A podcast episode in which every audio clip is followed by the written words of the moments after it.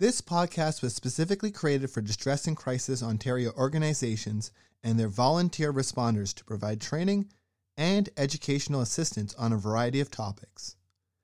As information evolves and changes, these podcasts are meant to offer ongoing support with the goal of updating them on an ongoing basis. We thank the volunteer responders and the contributors to this podcast. Please visit our website, dcontario.org, for more information and how to access free mental health services. Thank you.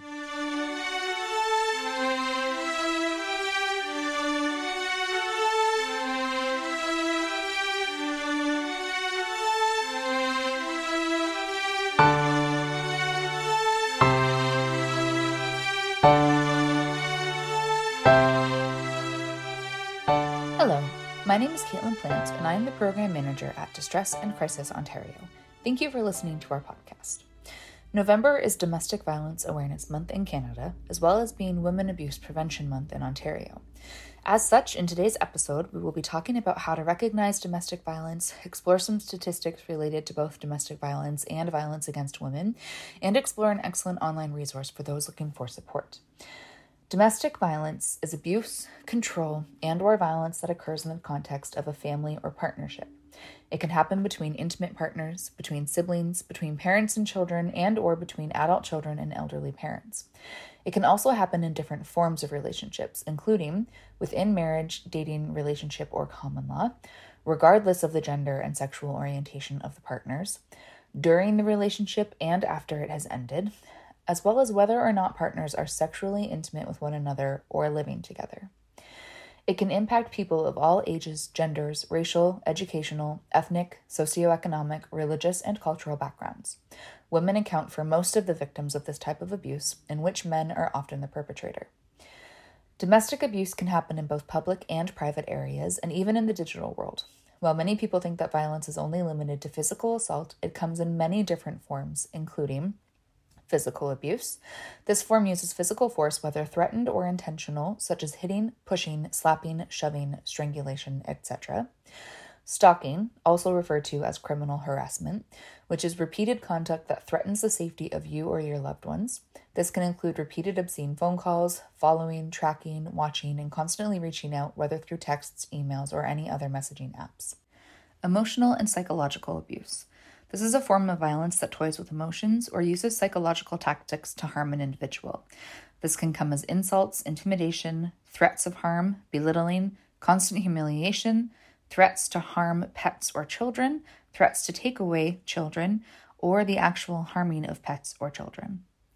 Sexual violence. This includes sexual acts without consent, forcing someone to watch or participate in a pornographic film, threats of consequence for refusing sexual activity, sexually degrading language, and belittling sexual comments. Spiritual abuse. This uses a partner's spiritual beliefs to control or dominate them. Financial or economic abuse. This refers to the control and exploitation of assets, money, or property. It also includes restriction of a partner's access to school or a job. Cyber violence, also called technology facilitated violence. The use of technology to facilitate virtual or personal harm, such as tracking a partner's location to intimidate, scare, or humiliate a partner, and bugging devices to observe and listen to a person. According to the Ontario Women's Directorate, 7% of Ontario women living in a common law or marital relationship reported experiencing physical or sexual assault by a spousal partner at least once between 1994 and 2004. Yet less than one quarter of victims of spousal violence report to the police. The following statistics demonstrate the importance of Women Abuse Prevention Month. They are taken from the Canadian Women's Foundation's page, The Facts About Gender Based Violence. I did not share all of the facts here and would highly recommend reading the full document if you would like more information.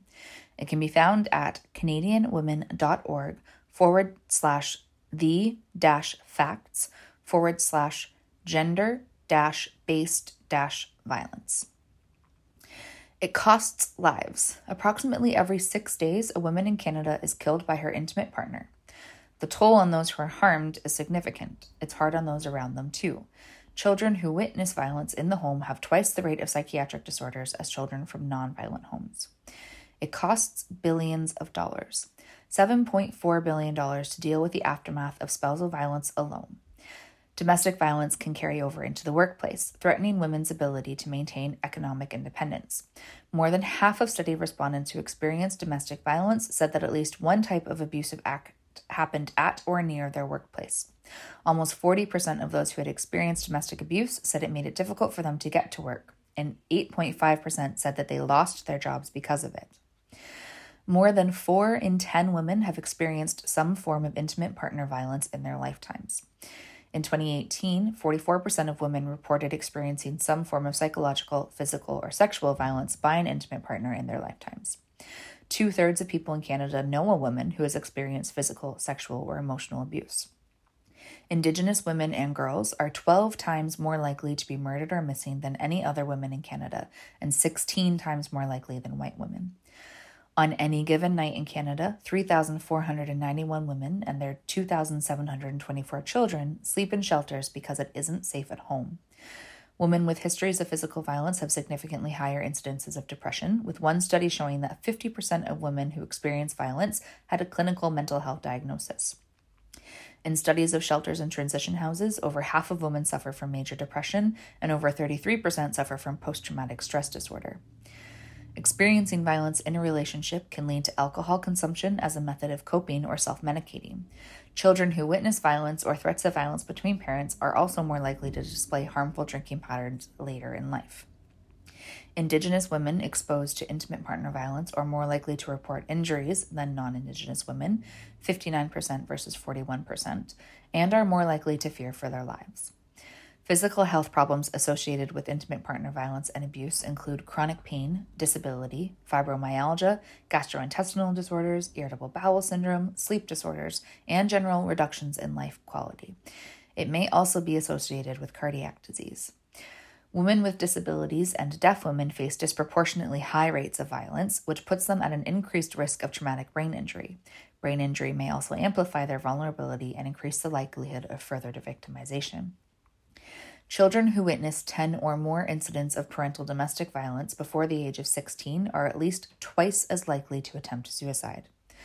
Other potential impacts of exposure to intimate partner violence in childhood include difficulty forming attachments, premature birth, low birth weight, anxiety, depression, asthma, allergies, stomach aches, post traumatic stress, mood swings, frequent illness, weight concerns, substance use problems, mental health conditions, chronic pain, and pain conditions. All of these impacts can compound over time. Exposure to violence can also affect children's development and ability to learn, and lead to a wide range of behavioral and emotional issues such as anxiety, aggression, bullying, and phobias. Research shows that children who witness violence are more likely to grow up to abuse or face abuse. Since abuse comes in many forms, it can be hard to recognize them when you're in an abusive situation. Here are some signs that may indicate a relationship is abusive an overly jealous partner, especially when others are around, when a partner intentionally breaks or threatens to destroy your things, when partner calls you names, belittles you, or threatens you, when you are constantly blamed when things go wrong, any physical assault, including pushing, punching, hitting, slapping, and more, when your partner hits the walls, yells at you, threatens to harm you, your pet, or your family, when they do harm your pet, and when they threaten self harm or suicide. Sometimes abuse will make you feel like you're obligated to ask their permission to go out of the house, ask for approval to send money, take the blame when things go wrong, do whatever your partner wants you to do, or make excuses for your partner's behavior. It's also important to watch how you feel. Sometimes abusers manipulate your feelings so they can control you. Here are some things to watch out for fear of making any decision that your partner won't approve of, feeling isolated from your friends and family, fear of expressing your opinions, fear of saying no to your partner, and fear of leaving the relationship. If any of these things sounds familiar, either in your own relationship or with someone you know, you may want to visit www.domesticshelters.org forward slash help forward slash ON to explore an amazing list of 111 organizations in Ontario that provide domestic violence services at some level. If you're worried about your web searches being tracked, most web browsers have a private or incognito mode that will cover your tracks and hide all history of your web based searches. If you are wondering what you can do to prevent violence against women, here are a few suggestions. Recognize when you see inequality in a relationship and encourage change. Confront sexism, racism, ableism, classism, homophobia, transphobia, and all forms of oppression. Support women and children to empower themselves to take control of their own bodies, wages, and lives. Advocate for ending violence, poverty, homelessness, and the oppression of women and children. As always, if you need support or information on resources in your area, ONTX and or our member centers are here for you.